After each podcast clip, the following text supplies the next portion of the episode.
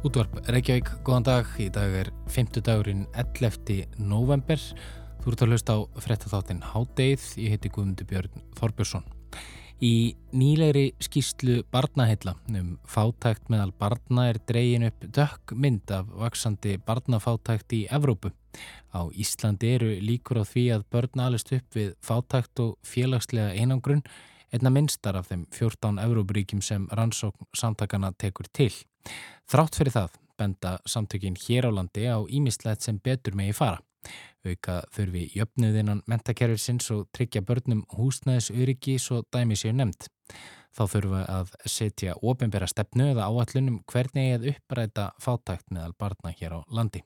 En Ísland er eina þáttökuríkið sem hefur ekki slíka stefnu nú þegar. Katrín skoðar þetta mál betur í síðari hluta þáttarins.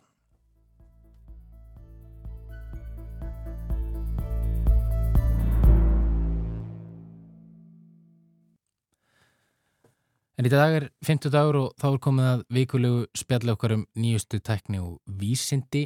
Heimurinn stendur ekki stað kannski sem betur fer og ekki tæknin sömu leiði. Sum fyrirbæri sem við heyrum um í dagur heimi tækninar og vísindana eru svo furðuleg að maður einfallega botnar ekkert í þeim.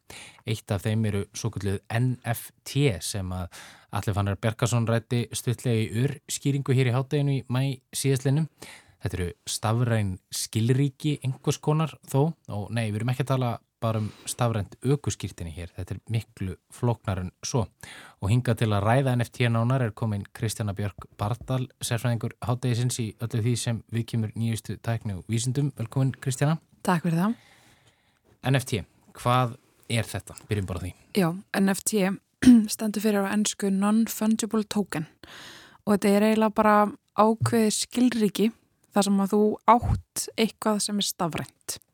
Þannig að þú getur átt mynd, stafræna mynd eða þú getur átt færslu á einhverjum samfélagsmiðli og þá er þú sem sagt og þetta er eiginlega, þetta er ekki uh, rafmynd en þetta byggir á sömu bara hérna hugmyndafræði og byggir á sömu bara undirstöðum og rafmyndir. Já, bara eins og rafmyndir er ekki til eiginlegar efnisheimum, mm -hmm. þá er þetta eins. Já, þannig að þetta er til á netinu og þú getur gemt þetta og sínt fram á þú eigir þetta á netinu. Þannig að þú getur að kaupa höfundaréttinu rauninni af eða einhvers konar svona eignarétt, á einhverju sem í rauninni er óþrjöfanlegt og stafrænt. Já, þannig að þú kaupa eiginlega bara rafrænt eða stafrænt skilriki þess að þú eigir eitthvað ákveð.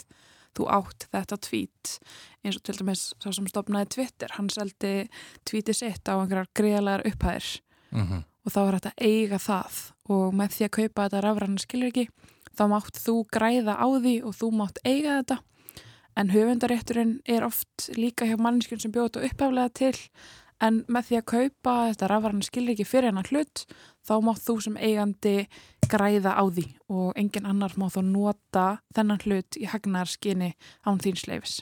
Þannig ég geti sagt, keft þetta fyrsta, fyrsta dvíti að týst og, og selta áfram en ég er unni hef ekkert annað en, jú ég hef þetta, ég hef veintilega eitthvað plagg sem að sínir að ég eigi það. Sýnir fram á það og fólk getur náttúrulega alveg skoðið þetta tvít og það er ennþá til. Og fólk getur tekið skjáskot að því og sendt það á milli. En þú svona formlega átt það þá. Einmitt, einmitt. Eh, hvernig, hérna, já, hvernig er þetta allt saman svona gimt eða, eða varðveitt? Já, bara eins og, eins og rafmyndir eru þá eru þar gimtar á bálkakeðjum. Það sem er bara svona ákveðin hugmyndafræði kannski tökum fyrir bara dýbra hann í það í heilum þætti, ég heldur náðum ekki að útskýra hér mm -hmm. en þetta er bara ákveðin tækni sem að getur auðkend það að þú eigir hlutin og þetta er mjög örugleið til að auðkenna hluti mm -hmm. Og hvernig er svona hluti verðlaðir? Er þetta bara spurningum frambóð eftirspurn? Já, svolítið mikið. Fólk er hérna eins og bara gamla segja frá því eins og hann gerði í örskýringa þættir um sínum að þá reynda hann að selja tvíti sitt á okkur ákveðna uppæð Já. og það tókst ekki hjá alla Nei. en það eru ótrúlegustu hlutir að fara á rosalega háar uppæðir og mikið af þessu er líka bara í tísku og það er töff að kaupa þetta. Og þetta er svona ákveðin hópur sem er að fylgjast með þessu og kaupa þetta, ég held að sé alveg ákveði, ákveðin partur af þessum hóp sem er að kaupa þetta er líka í rafmyndunum mm -hmm. þannig að þetta er kannski svona hópur með skemmtilega skoðanir og hefur Mhm. gaman eða eiga svona hluti og sína fram á það þó svo að þetta sé ekki málverk sem þú getur hengt upp í stofinniðinni Já. en þeim finnst töff að eiga þetta sko Þetta nær, þetta nær náttúrulega ekki bara yfir tíst, þetta nær yfir eh, svona það sem við kalla memes eða og Já. tónlist jafnvel. akkurat Þar- Já, frægar myndir og bara allt sem er stafrænt einmitt, einmitt. Um, það hefur náttúrulega sko, já, já svo stafræn list, uh, hún hefur selst, uh, já, á rosalega Mhm. á, á, í, í þessu formi NFT um, en já, hvernig, hvernig er þetta komið vekk fyrir að svona já, hvað segir maður, hvernig vermaður þetta, hvernig vermaður höfundaréttin á svona lögu? það er virkilega erfitt að verja höfundaréttin Einhvers það hlýtur sem þetta geta sínt fram á að þú eigir þetta. Já, sko, þegar eitthvað er búið til að þá er ákveðið svona á bakvið að þú getur sínt fram á hvað þetta var búið til. Og listamæðurinn þá sem að býr þetta til er oftast með þetta hjá sér. En þegar það kemur að bara sem rafrænu skilríkum sem að þetta er, þetta NFT að þá er bara að vera að nýtast við balkakeðjur til þess að sanna það að þú eigir þetta. Og það er þessi tækni sem að aðstóra þá fólk að sína fram á að þú eigir þetta. En þetta er mjög flókið sko. Svo til eitthvað sem heitir NFT-apar. Já, Hvað það var var það? hérna í apríl 2021, ég held að fólk hefði farið að leiða svolítið í COVID Mm. og það voru búnir til 10.000 stafrannir apar sem voru allir með svona sérstök persónu enginni og það var hérna uh, Board Ape Yacht Club eða hérna hvað sem er skútu, Já, snekkju. já, snekkjufélag uh, apa sem að leiðist sem að byggja til 10.000 apa og söpnuðu 96 miljónum dala á klukkutíma fyrir að selja þessa apa. Já, Þetta var alveg rosalegt sko, þannig að fólk hafi greiðlan áhuga að kaupa þessa apa. já, og þannig að þeir eru til einhver staðar í, í, í stárana heiminum. Þeir eru til í starfana heiminum sko, eru ótrúlega skemmtilegir. Ég mæla með að fólk leita að þeim sko, en þannig að þetta var svona trend þar sem fólk vildi eignast apa, vildi vera einn af þessum, vildi taka þátt í þessu. Einmitt. Og sér fyrir þér að þetta sé framtíðin að, að já, þetta verði vinsall og vinsall að, að kaupa svona? Já, að einhverju leiti sko, eins og bara ég og, og mín kynnslóð, þú veist, þess, öll þessi mím, það sem að voru með einhverja mynd sem segir eitthvað ákveðið, þetta þýðir rosalega mikið fyrir okkur og þetta er orðin ákveðin leið til þess að tjá sig. Mm -hmm. Veist, þetta er bara eins og eiga þessar fornu bækur Mm að einhverju leiti, sko, en það er spurning hvernig við mögum svo sína fram á við eigum þetta. Einmitt. Að því allar bara að senda, veist, skjáskota færslunni eða hvað allar að gera, ég máttu hengja þetta upp að þetta er ekki til í alvörinni, þannig að ég er mjög spennt að sjá hvert það þróast og hvað fólk er að fara að selja. Einmitt. Og alveg í lókin Kristina uh, þeir að fara að stað með hlaðarp ykkar hjá skí aftur núna Herri já, föstudaginn. þriðja seri af auðjálhavarpi ský byrjar á föstudaginn og verðum á öllum helstu streymisveitum. Einmitt. Fylgist með því kæra þakki fyrir komuna í hátegi Kristjana. Hátegi snýr svo aftur strax að loknum hátegisveitum og þá ætlum við að fjalla um nýja skýrslu Barnahilla.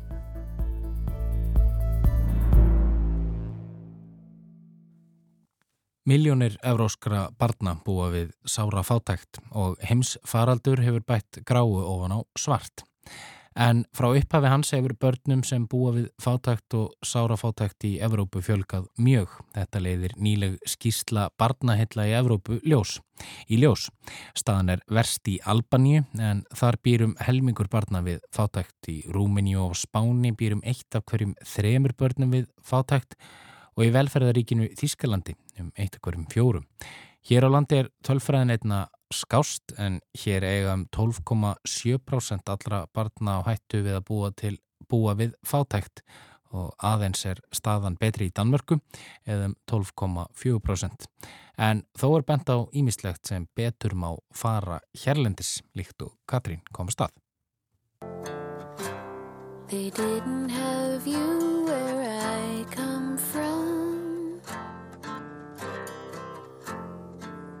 Þetta er í fyrsta sinn sem samtökin Barnaheill Save the Children byrta skýslu um fátækt meðal barna í Evrópu en stemt er á að hérðan í fráverði útgáfan árleg.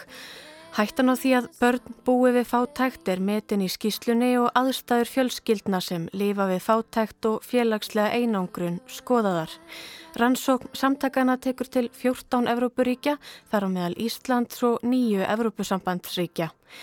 Og í skýslunni er dregin upp dökk mynd af vaksandi barnafátækt í álfunni og heitla þróun sem breynt er að snúa við en heimsfaraldur auðveldar vissulega ekki.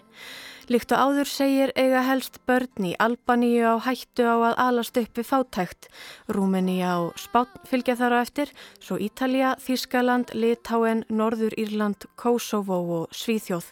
Minstar eru líkurnar í Danmörku, svo hér á Íslandi, þar næst í Finnlandi og Hollandi. En áætlað er að, að meðaltali búi um 23,7% barna innan Evrópu við fátækt.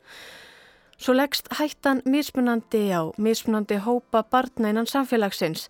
Börn á flótta eða í hælisleit eru í mestri hættu, börn einstæðra foreldra fylgja þar á eftir, því næst börn láttekjufólks, börn með föllun eða sem tilhera ákveðnum þjóðurnisminni hluta hóp og loks börn sem tilhera fjölskyldum sem búa við slæmar, félagslegar og efnahagslegar aðstæður. Hér á landi eru einstæðir fóreldrar, fjölskyldur með lágartekjur, fjölskyldur með fölluð börn, fjölskyldur þar sem fóreldri er á örorkubótum, flóta börn og börn í fjölskyldum sem búa við erfiðar félagslegar aðstæður, þeir hópar sem eru sérstaklega viðkvæmir fyrir fátækt og félagslegri einangrun. Stuðstarfi tölur um fátækt meðal barna frá ríkjunum 14. Í vissum tilfellum var stuðstið tölur frá 2019 og 2018 við hættumatið ef ekki fengust nýri tölur. Í þeim tilfellum sem nýjar tölur voru fáanlegar, þar að segja tölur frá 2020, kom hins veri ljós að fátækt hafði aukist milli ára. Aukningin er rakin til heimsfaraldur sinns og áhrifa hans svo sem á aukið atvinnuleysi og tekjumessi. Börnum sem búa við fátækt og sára fátækt í Evrópu hefur sérsagt fjölgað mjög frá því að heimsfaraldur hófst. Til dæmis er talið að bara á Ítalíu hafi börnum sem búa við sára fátækt fjölgað um 200.000 árið 2020 og þegar litir til stöðunar fyrir faraldurinn sem var ekki með bestamóti en um 18 miljónir barna í 27 ríkjum Evrópusambandsins eða eitt af hverjum fjórum börnum voru talin í hættu á að alast upp í fátækt eða félagsleiri einangrun við upphaf faraldursins árið 2019 er ljóst að slæm staða getur enn versnað mjög en rannsókn samtakana sínir að það mun að öllum líkindum fjölga í hópi fátækra barna á næstu misserum verða ekki gripi til markvissa aðgerða til að hamla gegn því. Það vekur þó aðtekli að þrátt fyrir þessa þróun mingaði barnafátækti fyrra í þremur þeirra nýju ríkjum Evrópusambandsin sem rannsóknir nær til í Danmörku, Svíþjóð og Litáin. Ekki kemur fram í skýslunni hver þróunin var hér á landi en hins vegar hafa samtök barnaheilla hér fylst grant með stöðu mála. Í frettatilkynningu lýsa samtökin yfir áhyggjum af því að ójöfnur hafi aukist hér á landi meðal barna vegna atvinnuleysisökum COVID. Þrátt fyrir að atvinnuleysi hafi nú skánað og var komið niður í 5% í september úr 8,2% í janúar sé þó enn of snemt að segja til um hver þróunin verði á börn og barnafjölskyldur til lengri tíma litið.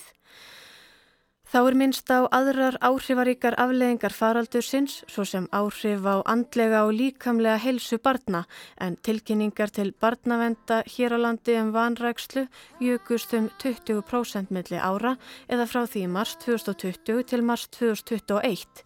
Tilkynningar um ofbeldi jökust um 23%, áhættu hefðun barna um 3% og grunum að líf og heilsa ófætra barna væri hættu um 68%.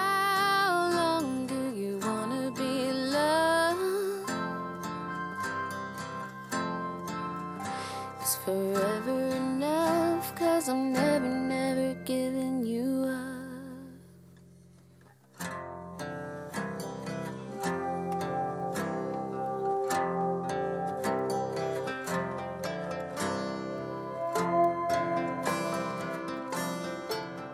Líkt og áður segir er hættan á því að börn búi við fátækt einna minnst hér á Íslandi. Þrátt fyrir það segja 90% foreldra á örorkubótum bæturnar ófullnæjandi, 80% segast ekki geta mætt óvæntum útgjöldum, 22% segast ekki geta greitt skólamat fyrir börn sín og 19% geta ekki greitt fyrir frístund eða tómstundir barna sinna.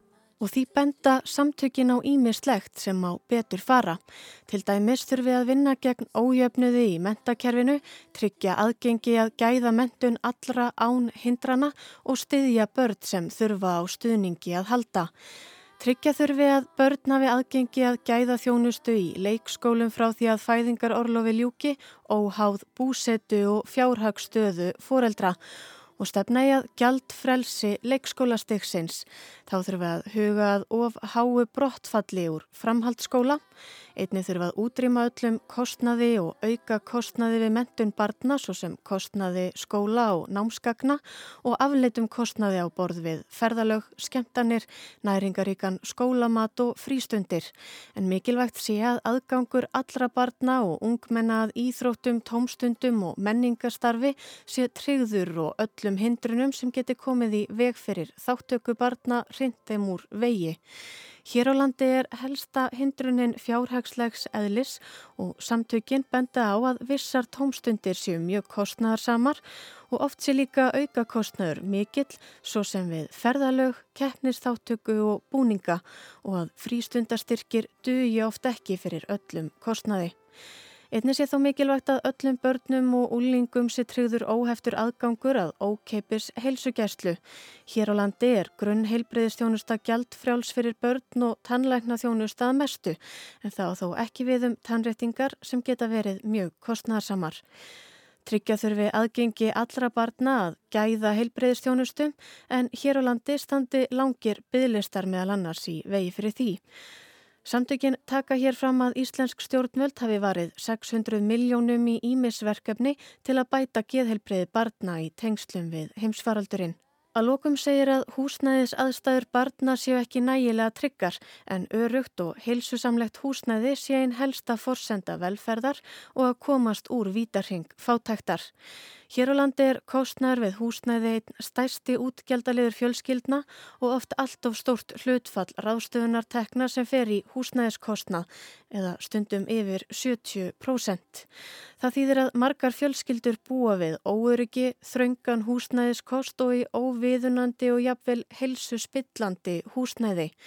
Bregðarsturfi við því en degi ekkert barna þurfa að alast upp við ótryggar húsnæðisaðstæður eða án heimilis.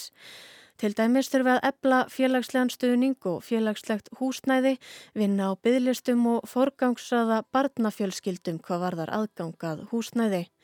Einni þurfa að takast á við félagslega útskúfun ákveðina hópa og rjúfa félagslegan arffátæktar og veikrar stöðumilli kynnslóða. Og til þess að ná þessum og fleiri markmiðum og standast barnasáttmála saminuðu þjóðana þurfa að setja markvisa og skýra ofinbera stefnu um það hvernig eigi að uppræta vítarhing fátæktar. Útlista hvernig eigi hér að tryggja að öll börn fái að njóta þeirrar þjónustu sem stendur þeim til bóða, rækta hæfileika sína og þroska óháð bakgrunni og aðstæðum en Ísland er samkvæmt skýslunni eina þáttökuríki sem ekki hefur slíka opinbera stefnu nýja skilgreiningu á fátækt meðal barna. Það þurfi að bregðast við því og bæta þar úr, setja hér mælanlega og tímasetta stefnu og aðgerðar áætlunum að uppræta fátækt og félagslega einangrun. Svo stefna og aðgerðar áætlun þurfi að taka mið af þörfum barna og réttindum þeirra, ekki síst þeirra sem búa við erfiðar aðstæður og þá þurfum við að passa að börnin sjálf fá að taka þátt en hér á landi sé ekki hveðið á um þáttöku barna en mikilvægi þess að börn séu höfð með í ráðum þegar ákvarðanir um hag þeirra á líf eru teknar megi ekki vannmeta.